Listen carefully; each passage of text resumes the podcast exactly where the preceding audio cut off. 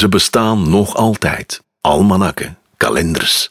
In Plantijnstijd dienen almanakken om data van belangrijke gebeurtenissen aan te geven, maar ook om kennis te verspreiden.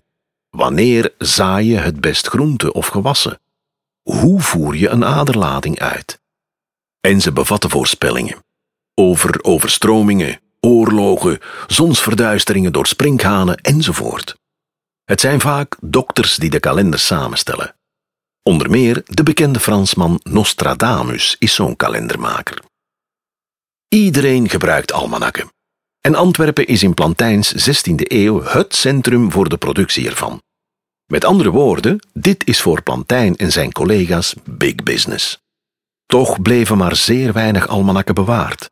De meeste eindigen in vuilnisbelten of als wc-papier. Zo gaat dat met massaproducten. Ook plakaten geven een mooi beeld van het dagelijks leven in Antwerpen. Plakaten zijn geboden en verboden die de stad uitvaardigt en opplakt. Plantijn en zijn opvolgers mogen ze allemaal drukken.